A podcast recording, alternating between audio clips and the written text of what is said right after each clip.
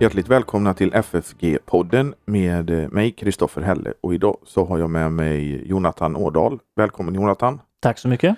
Vi ska prata om Saltaren idag. Ja. Mm. Men först så kan vi ju påminna våra lyssnare att eh, om man vill så kan man ge ett bidrag till församlingsfakultetens och den här poddens arbete. Och det gör man lättast eh, via Swish 123 100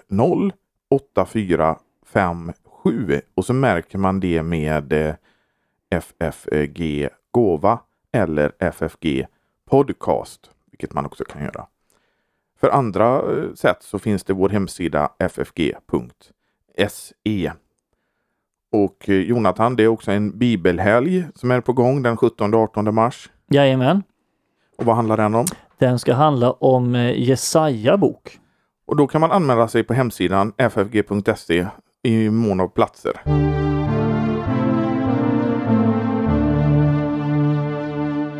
Ja, Jonathan, det är första gången du är med i podden. Japp. Kan du presentera dig lite?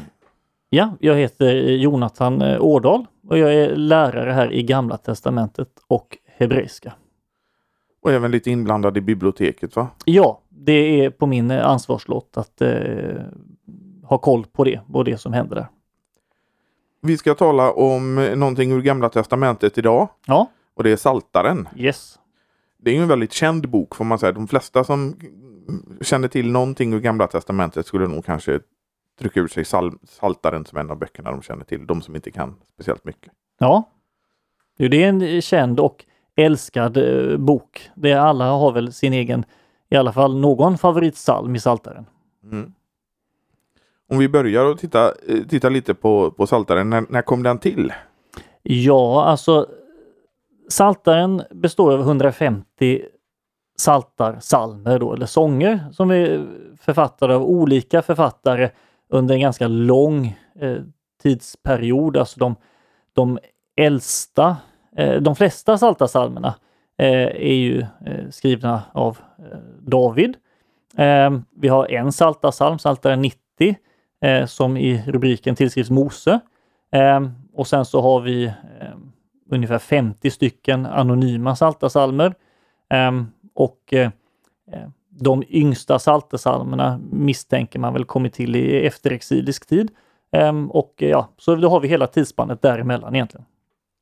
Och det här namnet Saltaren, var kommer det ifrån?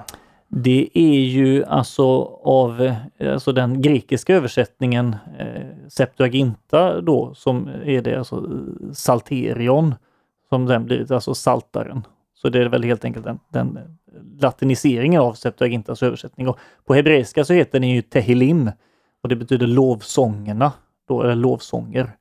Eh, vilket är intressant med tanke på att majoriteten av salta salmer alltså är faktiskt eh, klagosalmer.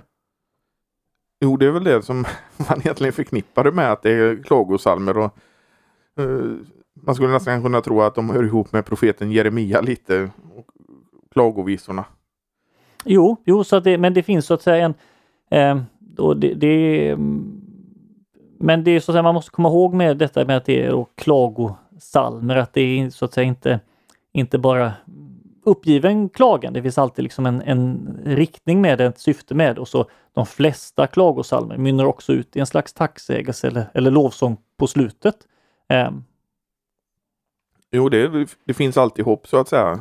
Jo, men de, de här eh, du sa att de, kom, har kom, de flesta har kommit till efter exilen då, alltså ungefär 500 år före Kristus. Ja, eller de flesta vet jag inte, men att vi har det spannet så att säga. Det beror på vissa Vissa forskare vill ju tillskriva att allt, säga att allt är tillkommet sent då, men att vi har, vi har så att säga spannet kan vi säga från, från David till efter, eh, efter exilen. Eh, och sen så med, med vissa saltasalmer, någon, några tillskrivna Salomo, Mose, så att vi har ganska långt spann över Israels historia. Det finns väl också någonting, kan man, kan man se att det finns så här tidstypiska uh, saltasalmer som man kan säga, att den här måste vara skriven för det tillfället eller någonting sånt där? Det finns ju, har ju gått lite olika teorier i hur man vill, alltså vad man tänker sig utläsa av saltaren. Alltså att många saltasalmer eh, kan man ju se kopplingar till eh, templet och tempelgudstjänsten. Eh, men sen finns det också många saltasalmer som verkar vara mer, eh, vad ska vi kalla det, privat karaktär, det vi kanske skulle kalla personligt andakts andaktsliv. Och eh, verkligheten är väl att eh, förmodligen så har saltarsalmen använts både i templet och i det, i det så att säga fromma andaktslivet i de israelitiska hemmen. Men det, det, var ju någonting som användes i gudstjänsten då, de här salmerna som... Jo, det, det, så, så verkar det vara. Eh, att, att det, och det, vi har ju eh, sånger som har med tempelliturgin att göra, eller kanske står något i rubriken eller eh, i vissa saltasalmer eh, så kan man se en, att det verkar vara en växelläsning så att man kan liksom nästan se framför sig hur, hur eh, någon försångare eller delar av de leviterna i templet eh, sjunger eh, ena halvan och så svarar de andra. Så det, man kan säga att Saltaren var deras psalmbok helt enkelt? Eh, ja, det kan man säga. Sen så är det ju så att säga Eh, svårt att veta då, alltså jag menar om man tar i, i templet på, på Davids tid så kanske inte Saltaren bestod av alla 150 psalmer. Vi vet ju inte vem som eh, slutligen sammanställt och satt psalmerna i den här ordningen. Eh, det vet vi ju inte så att säga. Eh, och det står ju om Salomo att han författade otroligt många sånger så att säga, så att det finns nog eh, har nog funnits en, en eh, poesiskatt som vi inte har tillgång till så, men att eh, många av de här saltasalmerna har nog säkert använts i templet. Men hur är det, finns det sådana här saltasalmer som man tror eventuellt kan vara samtida men som inte är kanoniska så att säga? Nej, det, ja i så fall så är det väl att man har det, att man har poetiska texter i andra bibelböcker eh, som man i så fall skulle kunna eh, argumentera och driva, liksom, försöka leda i bevis för att det är sådana texter. Men vi har ing, det finns ingen, det finns ingen eh, så att säga samtida utombiblisk eh, sångskatt som levt sitt eget liv. Nej. Eh, men om vi går in så finns ju Bibelns längsta kapitel i Saltaren. Mm -hmm. Saltaren 119. Ja. Och hur många verser är den på? Ja, många. Vad är det? 170? är det 176? Vi får göra som man ska. Vi får, får slå upp i Guds ord och läsa som det står. Den har 176, det är korrekt. Ja. 176 verser. Och det är väl nästan i särklass den längsta? Skulle jag säga. Det är det längsta kapitlet i hela Bibeln. Ja. ja. Uh, och vad handlar Psaltaren 119 om? Det är ju vad man skulle kunna kalla alltså en, en Guds ord-psalm eller en vishetssalm då. Så att den handlar om, om, om Guds ord, eh, kort och gott.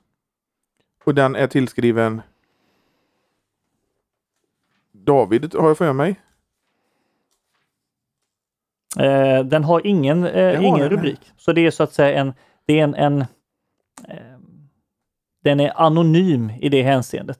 Eh, men det är en, så att säga, en sån här alfabetisk psalm och det ser ni när ni tittar i i alla fall den senaste folkbibelns översättning, jag tror även den förra, så, så kan man se att det står någon, någon eh, konstig krumelur som alla kanske inte vet vad det är. Sen så står det med eh, latinska bokstäver, eller de, det som vi använder på svenska, då står det alef och står det bet och gimmel. Och det är namnet på de här hebreiska eh, konsonanterna. Och varför det gör det, det är då för att varje, varje eh, rad eller, eller vers då i, i den salmen börjar på den bokstaven. Så det är en sån här, eh, eh, ska vi säga, retorisk finess som liksom i, i, i framställningen så, så, så, börjar alla så att säga på samma bokstav under så att säga eh, de här indelningarna. Är det vanligt? Eh, ja, det finns många andra salmer som har den eh, finessen också. De brukar man kalla alfabetiska salmer. Kan det vara ett sätt för, för det här var ju många som memorerade det här. Kan det vara ett, ett sånt här trix för att kunna memorera de här långa salmerna? Det kan det säkert eh, vara, eller i alla fall en del av förklaringen till det. Eh, och, och... För, för om man, vi pratade ju om tempelgudstjänsten innan och sånt här. Att det var inte så att de gick och hämtade en psalmbok och, och satt och, och läste med. För det här var väl någonting man skulle kunna utan till och många kunde utan till. Alltså utan till inlärningen var ju högre då än den är eh, nu. Eh, sen så var, skrevs ju saker givetvis ner eh, också, men, men gemene man hade ju inte sin, sin eh, privata sångbok. Nej, men det tittar man bara på äldre folk idag som kommer ihåg salmer på ett mycket bättre sätt än vad eh, vi som ändå får räknas som yngre gör. Vissa äldre har ju, kan ju nästan hela psalmboken i huvudet för att de började med det som barn och, och sånt där. Jo, jo. Så det, ju, det, blir ju sämre och sämre bara om vi tittar på vår tid så att säga. Jo, det, det finns väl alltid risk för att det går ut för med utan till eh, inlärningen. Sen är det också så här att Saltaren var också en bok som Jesus själv använde som bönbok. Jo, och det är väl alltså alltid eh, viktigt att fundera på när vi läser eh, Saltaren att vi är vana att, att läsa Saltaren för egen del, där vi själva så att säga gör oss till till bedjaren och så får och så ska vi läsa Saltaren. Eh, men vi ska också komma ihåg att vi, det var ju som sagt Jesu bönbok och då är det alltid väldigt spännande att fundera på för, eh, för egen del och för att få ett liksom, djup i sin bibelläsning och få även då fördjupning i det egna bönelivet att också tänka sig hur, liksom, vad betyder när den här saltasalmen gick över Jesu läppar? Och eh, till exempel, eh, vi har ju eh, Saltaren 23. Mm. Som, som är en sån, vad ska man säga, vad ska man kalla det, kristologisk psalm, men som ändå är någonting som Jesus själv kanske använde. Jo, då kan man ju märka, alltså vi så att säga, vi förutsätter att Jesus bad hela eh, saltaren och vi vet ju så att säga eh, när de så att säga eh, efter den eh, sista måltiden så, så, så sjöng de lovsångerna, alltså hallelsalmerna 113 till 118. Så att vi, eh, och när då Jesus ber Saltaren 23 så, så blir det eh, lite annorlunda än, än, när vi ber den. När vi ber Saltaren 23 så, så, eh, så att säga när vi börjar be Herren är min herde, så då tänker vi att ja, det är ju Jesus. För Jesus är den gode heden. Eh, och det är eh, fint och, och bra. Eh, och då ska vi också komma ihåg då att herde i vi tänker att det är väldigt eh, mysigt och fint och tryggt med herde och positivt och det är det. Men vi ska komma ihåg att herde i Gamla Testamentet är alltså en eh, kungatitel. Alltså egentligen så. så att, att, att vara herde, David eh, hade så att säga blivit förordnad av Gud att vara herde för Guds folk. Eh, och det fanns även i, i eh, de andra eh, folken runt omkring kunde också så säga kungar eh, kallas för att de var eh, herde för det landet eller det folket. Så att Jesus är vår eh, kung. Men när Jesus ber här så att Herren är min herde, då är det ju Fadern som är Jesu herde. Mm. Blir det ju då. Va? Och när så att säga, när vi läser att han låter mig vila på gröna ängar och för mig till vatten där jag finner ro, eh, så är det som Jesus tar hand om oss och det är fint och han sköter om oss. Eh, han ger liv åt min själ och leder mig på rätta vägar för sitt namns skull. Eh, och när Jesus ber det eh, så handlar det ju som Fadern eh, så att säga vakar över sonen, skyddar sonen. Eh, när det står att han, han ger liv åt hans eh, själ, alltså vederkvicker den, ger den liv på nytt, så, så finns där ju i princip ett, alltså ett eh, löfte om, om eh, uppståndelsen. Eh, och när vi ber, även om jag vandrar i dödsskuggans dal, frukta inget ont. Vi litar på Guds beskydd och, och, och, att Gud har omsorg om oss och vi finner tröst i det. Och, eh, för Jesus så handlar det ju där också om att eh, Fadern är, är med honom och så att säga beskyddar honom. och eh, det handlar om så att säga Jesu eh, tro i, när han gick i den mörkaste dalen eh, och uthärdade alla eh, straff och plågor på korset. Eh, att han ändå så att säga eh, visste eh, att han skulle uppstå. Och det är samma sak med, med, med fortsättningen av, av, av Saltasalmen. Eh, där det finns så att säga, du dukar för mig ett bord i mina fienders åsyn. Eh, så handlar det om den här upprättelsen som, som kommer så att säga, efter uppståndelsen. Så att det finns, det finns mycket spännande att hämta ur de här Saltasalmerna utan att det det spelar inte ut det som vi kanske normalt sett tänker när vi ber och läser Psaltarpsalmen. Men det ger ett extra, ett extra djup i den. Jag tänker på det när han säger för, för sitt namns skull. Då är det ju också för det namn som eh, delas av Fadern, Sonen och den heliga Ande. Mhm. Så att det är ju också en, en sån sak som jag tycker man kan tänka på att det är ju det här namnet som jag tror att det förekommer 6828 gånger i Gamla Testamentet. Det som vi kallar för tetragrammaton. Mhm. Det är också någonting som ett namn som är Jesu namn. Jo, precis. Det, det är så att säga Faderns namn och Sonens namn och den helige Andes namn. Hur är det med tetragrammaton i, i Saltaren? För, förekommer det? Alltså eh, Herren, alltså det som, ja det gör det. Alltså det, det är det som, som folkbibeln normalt sett återger med Herren med versaler. Det gör det, ja. Och det är så, är, så börjar ju Psaltaren 23 med. Och det är alltså då, för det, då är det alltså JHVH Ja, som är min herre. Och det är Ja. eh, det du sa att det är fadern som Jesus ber till, men det är också Jesus. Ja. Och den heliga ande. Mm. Och det tycker jag ger en, ett större djup till eh, den här salmen. Mm. Just att det, det finns hela treenigheten i det när man ber så. Mm. Finns det någonting mer med Psaltaren 23? Det är ju en vanlig, den är ju tonsatt och, och sånt här eh, i, i våra dagar. Och det är en väldigt vanlig bön. Även om jag vandrar i dödsskuggans dal. Det är väldigt många som känner igen det också. ja, Det, det är ju en, em, vad ska man säga, eh, ett, ett känt stycke ur Bibeln. Så att säga. Finns det Eh, andra teman som finns i den här man kan lyfta fram?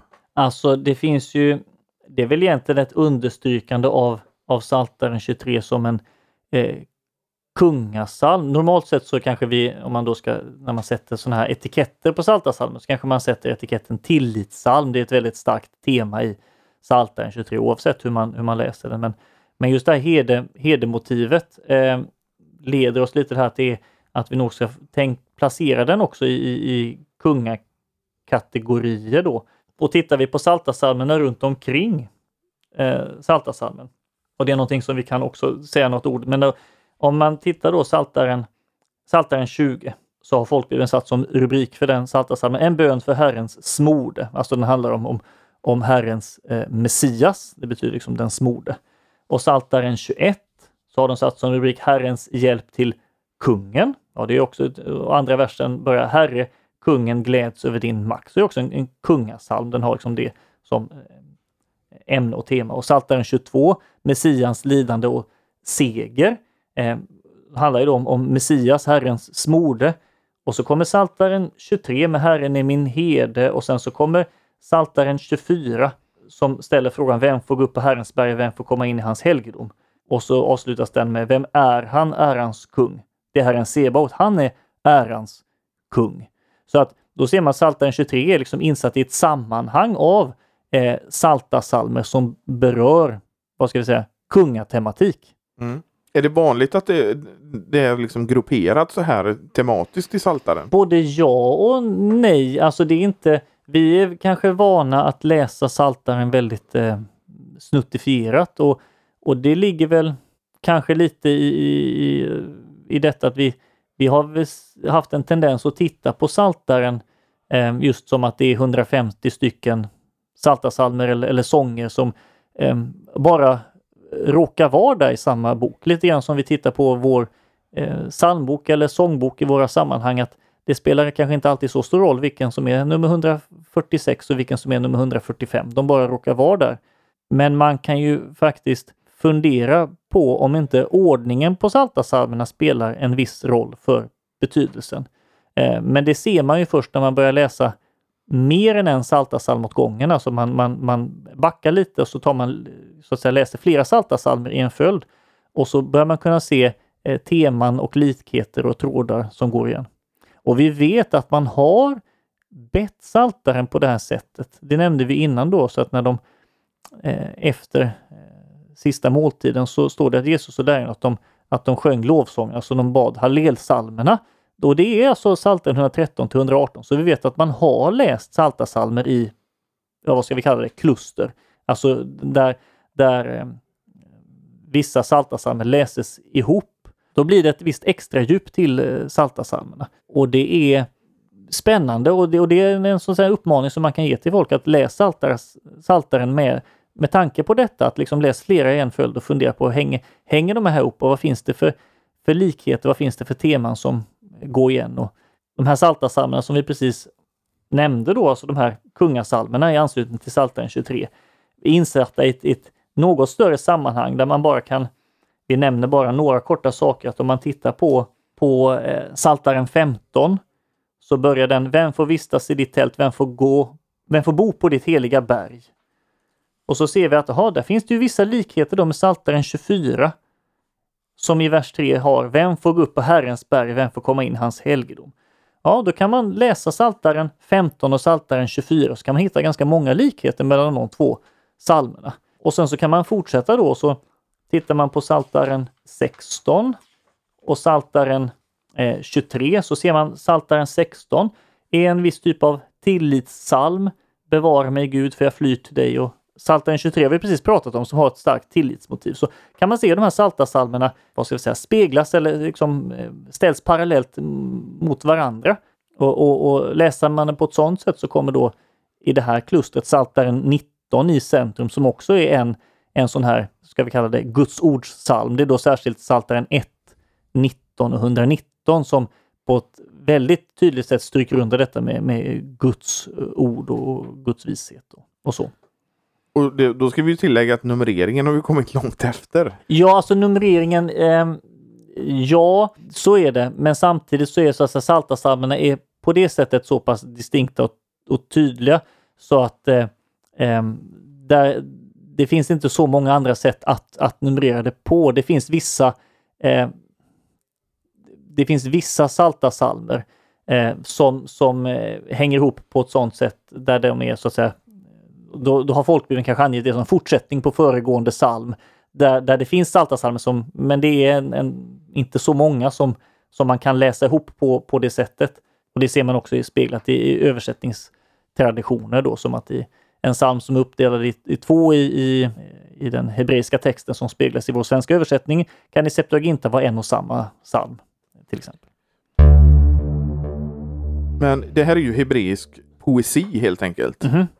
Hur, hur är den, hur ska man kategorisera och, och göra för att förstå sig på den här traditionen som är hebreisk poesi? Hebreisk poesi då som vi möter särskilt i Saltaren är, är väldigt annorlunda eh, vår poesi. Det kan förekomma sådana saker som alltså allitteration eller, eller slutrim, men det är eh, inte i någon stor utsträckning. Det är egentligen inte heller så mycket i i rytmen eller det man kallar för meter. Man har gjort försök att försöka hitta någon hebreisk meter, men det har man inte lyckats med. Vår poesi är ofta präglad av mycket smyckande adjektiv med skimrande månar och strålande ljus och vi beskriver liksom, vi kan ha ganska pladdrig poesi där vi beskriver saker med många ord. Men hebreisk poesi är lite motsatsen. Den är inte pladdrig, den är tvärtom, den är liksom ordkärv. Det är så att säga som att man tar bort allt onödigt.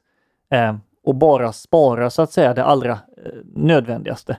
Och det återspeglas bättre i nya folkbibelns översättning än i 1917 var en vacker översättning, men den var ganska pladdrig. Så det kanske inte liksom på det sättet så fångar den liksom en viss poetiskt drag, men kanske inte det som just eh, saltarens eh, kännetecken. Så att den, den, är, den är ordkärv, och sen så har den detta som kallas för parallellism. Och parallellism det är det här till första versledet så säger man eh, alltså att eh, om vi kallar den A så säger man ja, det är, så här på detta sätt är det. Så här är det. Och sen så i andra versledet så säger man och vad mer är B. Så A är på det här sättet och vad mer är, är B. Och antingen då så blir det att de, de här versleden är väldigt lika så att vi skulle säga att de är i princip synonymer. Eller så är de det man kallar för antitetiska, så det är en motsättning. De säger varandras motsats. Eller så är det en slags steg, stegrande då, att vi säger någonting i första ledet och sen så säger vi ännu mer i andra ledet. Och då kan man till exempel titta på, eh, det här finns i alla salta salmer, men om man tar Psaltaren 147 som exempel så kan man se att eh, det är gott att lovsjunga vår Gud i första ledet och andra lovsång är ljuvligt och skönt. Okej, okay, vi har lov, lovsjunga, lovsång i båda. De är ganska eh, lika och det är gott i första halvan och ljuvligt och skönt i andra. De, de säger samma sak, verkar det som. Och sen så fortsätter det. Herren bygger upp Jerusalem. Och andra delen. Han samlar Israels förskingrade. Ja, nu så att säga verkar de ju vara liksom olika saker. Men det verkar ändå vara som att det sägs någonting i första halvan. Och sen så specificeras det på något sätt i andra halvan så att de sätts bredvid varandra. Och så verkar det då som att man ska dra slutsatsen som att sättet som Herren bygger upp Jerusalem är att han samlar Israels förskingrade. Till exempel. Men att man börjar titta på de här helt enkelt. Hur speglar de här två versleden varandra? Vad är det för förhållande där däremellan? Och det, det förekommer i de flesta saltasalmer? Ja, jag skulle säga att detta med parallellism finns i alla saltasalmer. Men den kan vara Eh, ibland så kan den ha mer än bara två led. Den kan ha så att A, B, C, så att den kan så att säga, den kan vara ännu mer så att säga komplex än det här enkla. Men det är ofta det som man kan se i även då i översättningarnas återgivning med vissa så att säga hur varför texten är strukturerad som den är har delvis med det att göra.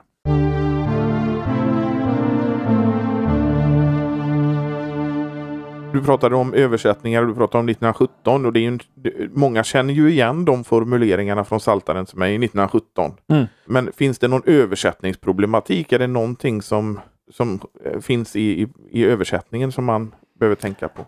Nej, alla översättningar har ju sina styrkor och sina svagheter. 1917 är ju väldigt vacker på många sätt och den är väldigt känd och, och många äldre har den i, i ryggmärgen.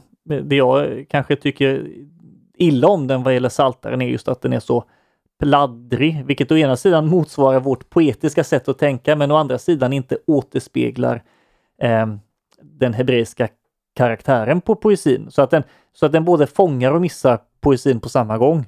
Man har försökt att försvenska den helt enkelt. Så skulle man kunna säga. Och det tycker du är inte, då har man inte lyckats fånga det hebreiska? Det beror, det beror på vad man har för översättningsprincip så att säga. Att det, jag menar, man, på ett sätt har man ju lyckats med att man lyckas översätta eh, poesi eh, till ett annat språk och förmedla att man fortfarande, man får verkligen en poetisk känsla när man, när man läser den och det är ju, det är ju positivt.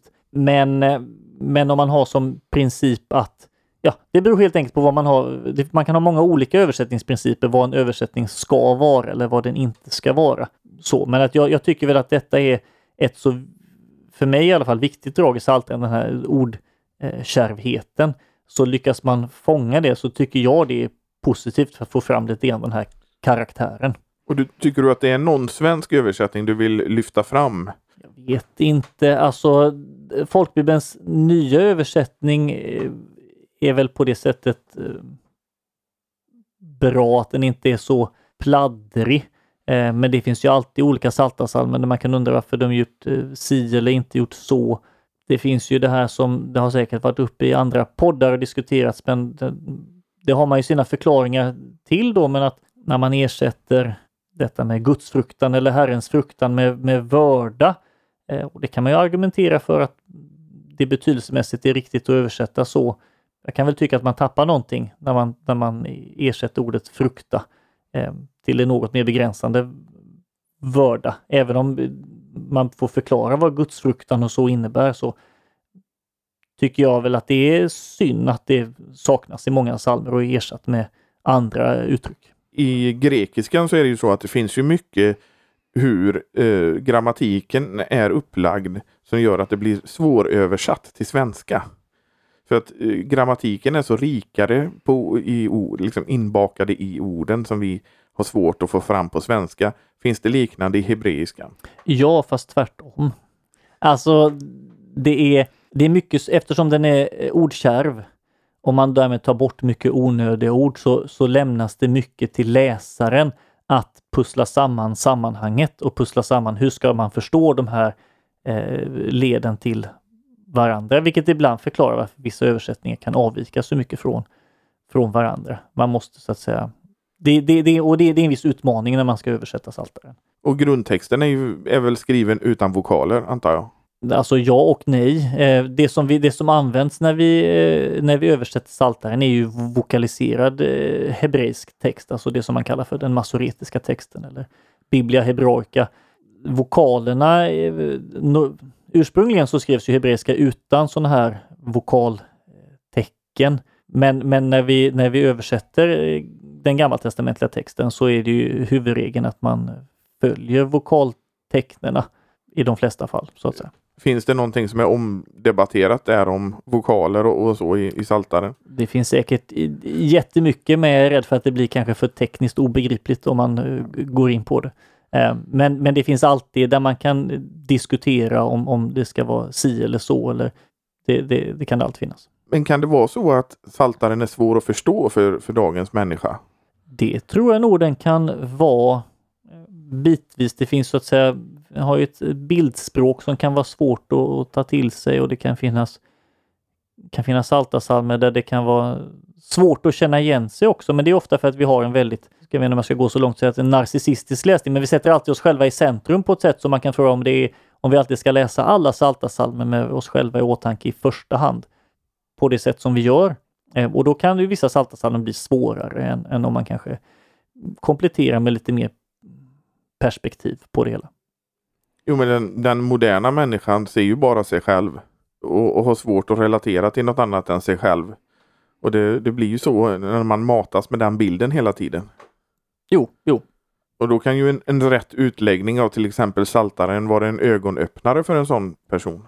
Ja, jo men det kan det absolut vara. Det är alltid så att säga när man läser en, en saltasalm så är det så att säga och, och ber den så är det vem, vem liksom Augustinus han ställer sig frågan så att säga vilka, vilka, vilka röster är det som man hör så att säga. Vad är det för, vilka är det som, vem, vem talar med vem i den här saltasalmen? Och då finns det mycket gott där att hämta för det personliga eh, andagslivet andaktslivet och läsa saltaren som så att säga i ljuset av hela Bibeln. Där eh, han eh, har det så att säga, han, man kan kalla det en kristologisk läsning, där han har så att säga Kristus som huvud och Kristus som kropp. Där han så att säga tittar på saltasalmerna och sen så vissa, vissa ord eller, eller salmer eller delar av salmer så läser man som ord eh, till Kristus. Ungefär som att vi ber Herren är min herde och så är det Jesus som jag ser framför mig när jag säger Herren och min herde. Och det kan vara ord om Kristus, alltså då att det är Kristus som beskrivs i Salta salmen. Det kan vara ord som är talas av eh, Kristus själv, alltså att det är Kristi röst vi hör i Saltaren. Det är liksom som att nu är det som att jag hör Jesus tala direkt och då kan man så att säga, då kan det vara två på två sätt som man, som man hör Kristi egna eh, röst. Det kan vara så att säga Kristus eh, själv såsom Guds son och det kan vara Kristus själv i vårt ställe. Som den som bär i hela världens alla synder. Och så kan man så att säga i saltaren höra eh, så att säga ord eh, som talas om kyrkan. Ehm, och sen så kan man hitta ord som talas av eh, kyrkan, så ett slags vi, vi kristna, vi Guds folk ord då. Och det kan hjälpa en så att säga att ge vissa perspektiv i, i, i läsningen och kanske bryta det lite alltför egocentrerade läsningen. Men det, är- det är viktigt att poängtera det du tar upp här nu att Saltaren är inte en isolerad bok utan en del i en helhet. Ja, Luther beskriver ju Saltaren i sitt företal som en, som en liten bibel, som att här har vi som ett kompendium till hela den, den kristna läran och den kristna tron och egentligen alla, alla bibeltexter. Att här finns på något sätt allting, allting som ett fint litet kompendium att, att, att be. Och det är många som inte förstår det här heller just det kristologiska att eh, de, de ser det som en del av gamla testamentet eh, innan Kristus så att säga och inte förstår att det är en helhet. Alltså det, och det är ju, vi har ju så att säga, det är ju skada eh, om man som kristen eller i kristna kretsar inte använder Bibelns eh, bönbok. Eh, där finns ju så otroligt mycket att hämta. Ett annat spännande sätt att ha nytta av saltaren i sitt böneliv är att man kan alltid ställa sig frågan när man ber en saltarsalm under vilken av de sju bönepunkterna i Fader vår så passar den här salmen mest in, eller kanske flera bönepunkter som, som dyker upp och så kan den så att säga sorteras på det sättet om den handlar om, om, om dagligt bröd och det jag behöver för att leva eller om den handlar om, om, om att Guds namn ska helgas eller om den handlar om, om, om frestelse och att jag ska beskyddas från det onda. Eller, så, det, så kan man hitta mycket så att säga att eh, hjälp att så att säga det är som att Fader vår blir som ett, eh, som ett index eller rubriker till, till Psaltarpsalmen. Kan, man, kan också vara en hjälp att sortera in den. För, för Saltaren är ju en bok som fungerar att brukas i, även idag. Ja, absolut. Och eh, jag tycker det är fint att tänka på Saltaren just som, som Jesu bönbok och att i Saltaren så kan vi se att det är ett, där har vi ett samtal kan vi säga mellan, mellan fadern och sonen. Och sen så kan man titta då så utifrån sonens olika ämbeten som profet och präst och kung och hans ställföreträdande lidande, hans förnedring och försoningsstöd och hur han regerar härlighet på faderns högra sida. Så, så, så i det här samtalet då mellan fadern och sonen, så att säga, i relation till de här olika eh, ämbetena och, och funktionerna som Jesus har, så dras vi in i det här samtalet och blir en del av det i det att vi är i, i Kristus. Um, så, så, så i Jesus så blir vi också delaktiga i det här samtalet som vi först lyssnar på och sen dras in i och så får vi be det i det här flödet. Då. För I vissa psalmböcker så finns det ju med eh, för söndagens text en saltarsalm till exempel eller en saltartext. Ja, ja. Och det är ju egentligen något som är väldigt fint att det finns med i Alltså det kom ju med i evangelieboken från 2003 så kom det in där och, och, och det är ju väldigt fint att det finns med. Egentligen så är det ju väldigt konstigt att man inte ber salta salmer regelbundet i, i gudstjänsten. Alltså att, att man, det borde ju vara kyrkans liksom främsta böner i gudstjänsten kan man tycka. Men i en sekulariserad kyrka så är det ju svårförståeliga böner helt enkelt. Jo, så kan det vara och då är det så att säga, det är ju en del av att Guds ord måste få jobba med oss. Att Guds ord får bearbeta oss och en del av brottningen med Guds ord. Så att när det är något svårförståeligt i Bibeln och då kanske särskilt i Saltaren så får man läsa det och man får be det igen och man får brottas med det och det är liksom en del av att Guds ord bearbetar mig. Hur är det att predika över salvaren, Saltaren? Är det någonting som du känner till? Ja, eh, delvis. Jag har inte predikat över så många saltarsalmer själv, men det är väldigt rikt att utlägga eh, saltaren. Eh, det är det. Och då när man gör det så märker man att det är verkligen på många sätt ett kompendium över kristen tro och den kristna läran. Och, i hela Bibeln så att säga, här finns liksom allting sammanfattat på ett fantastiskt sätt, det som verkligen är det viktiga. Jag tycker att det var ett väldigt talande att du säger att det är ett kompendium, för att det, det finns så mycket. Ja. Och, och man förvånas när man läser Saltaren att oj, finns det med här, det här perspektivet och sånt här som man, tänk, som man kan tänka på som man nästan aldrig slutar förvånas över. Ja, och det är väl det som alla som har haft det kämpigt eller varit glada att det finns nästan alltid en saltasalm som passar väldigt bra för ehm, hur jag mår eller hur jag är eller hur jag har det som, som speglar det väldigt eh, bra och då har vi ju så ett fantastiskt sätt där jag får ge uttryck för detta på ett gott sätt och där, där Guds ord får lära mig att eh, be. Eh, det är ju väldigt värdefullt att låta saltaren forma mitt böneliv och hur jag tänker eh, bönemässigt.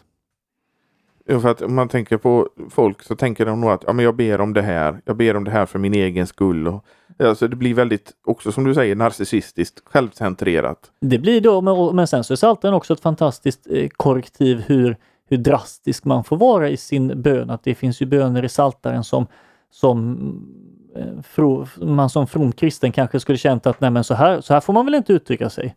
Får man, får man säga så, sådana såna skarpa ord att, att, att ropa till Gud nästan anklagande, varför sover du?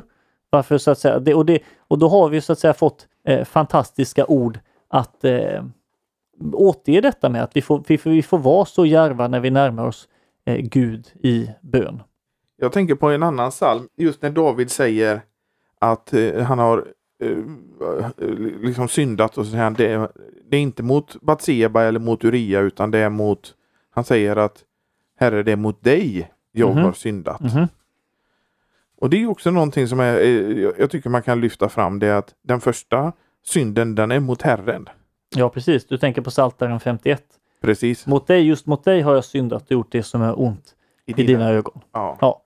Det är ju någonting som inte lyfts fram idag att framförallt att David säger att han har gjort det här mot sina medmänniskor. Mm. Men det är mot dig Herre jag har syndat. Mm. Det är väldigt starkt. Det är det, det är det. Och det, jag menar, det, det är ju eh, så är det och vi har det väldigt fint förklarat i, i lilla katekesen med hur så att säga eftersom när Luther i sin förklaring det här att varje, varje förklaring börjar med att vi ska frukta, älska och förtrösta på Gud över allting. Och så är det så att säga att så fort det är brott mot något av buden så är det ju ytterst sett det första budet som det är brutet mot. Va? Så att det här sambandet är ju, eh, lyser igenom väldigt tydligt, exempelvis då i den här Psaltarpsalmen. Och det, det är ju eh, också för de som läser det här att eh, förstå att det är först och främst i relationen med min skapare som det brister. Mm. Det är ju en väldigt, vad ska man säga, befriande på något sätt att veta att det finns de i Bibeln som också är, vad ska man säga, har gått samma väg. Ja, Och det är väl Saltaren en väldigt bra bok och, och s- som, vad ska man säga, medmän, kristna medmänniskor. ja så Saltaren är en utmärkt eh, böneskola att, att eh, lära sig vandra i. Och då finns det så att säga, om man, man ber hela salt eller läser Saltaren, men särskilt då man ber den och, och läser många saltarsalmer i följd så finns det så att säga en, en tendens kanske vi ska säga i Saltaren där så att säga det finns mer klagosalmer i, i första halvan av Saltaren än i den andra halvan och mer av jublande lovsång i Saltaren än, än i början. Så vi kan säga att som man, genom Saltaren så leds man från klagan till lovsång och sen så slutar det ju med så att säga 145, 146, 147, 48, 49 och 50 är ju alla väldigt starka lovsångssalmer och sen så avslutas det fantastiskt crescendo med, med sista saltasalmen som bara är bara jubel och lovsång. Har du någonting mer du vill tillägga innan vi går till avslut? Inte mer än att våga eh, läs eh, saltaren och, och att eh, särskilt då att det är, ja en sak jag skulle vilja tillägga, om man tittar på saltaren 1 och det också säger lite om Saltaren 1 och 2 har man Särskilt Saltaren 1 har man i alla tider förstått som ett intro till Saltaren, men även numera ofta Saltaren 2. Och då är det särskilt då i Saltaren 1 eh, som börjar så att säga, salig är den som inte följer de gudlösas råd och inte går in på syndaras väg och sitter bland föraktare, utan har sin glädje i Herrens undervisning och begrundar hans ord dag och natt. Alltså har sin glädje i Herrens undervisning i Guds Torah, alltså i Guds uppenbarelse i hans ord. Och då är det så att säga att det, det att ha sin glädje i Herrens undervisning, det är det man gör när man läser och ber saltaren. När du läser och ber saltaren, då är det ju så att säga en, en reflektion över, en bearbetning av Guds ord i en ofta då personlig människas liv, någon troskamp, något som har hänt. Att då är det så att säga, det man gör när man läser och ber saltaren är det som det talas om i Saltaren 1. Man har sin glädje i Herrens undervisning, man begrundar hans ord dag och natt. Det är det som händer. Ehm, och ett annat sätt att se det är att när man läser Psaltaren 1 och 2 ihop, man kan bara notera det att Psaltaren 1 börjar med salig är den som inte, utan den som har sin glädje. Och så slutar Psaltaren 2 med saliga alla som flyr till honom. Det vill säga att Psaltaren 1 och 2 eh, hänger ihop. Det här så att säga Guds ord-motivet och sen i Psaltaren 2 så finns det ett kungamotiv då med Herrens eh, smorde. Och att detta så att begrunda Herrens ord, detta med att det är som ett kompendium till Bibeln och hela, hela den kristna läran och att be detta så, så, så reflektera över detta i böneform. Och detta drar mig då in i relation, relation till sonen, eh, Guds son Jesus, att jag får flyt till honom, komma till honom, eh, ta emot hans eh, förlåtelse, ge honom hyllning. Så att i den spänningen så får man liksom att, att leva i avsaltaren är det som egentligen då skildras i Psaltaren 1 och 2 på olika sätt.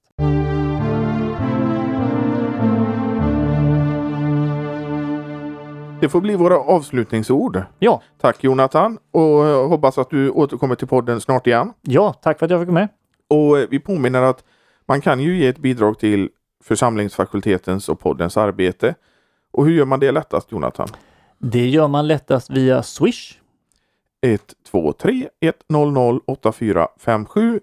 Eh, Ni behöver inte spola tillbaka och hämta papper och penna utan numret finns också i avsnittsbeskrivningen och på vår hemsida ffg.se. Och vi hörs igen nästa vecka.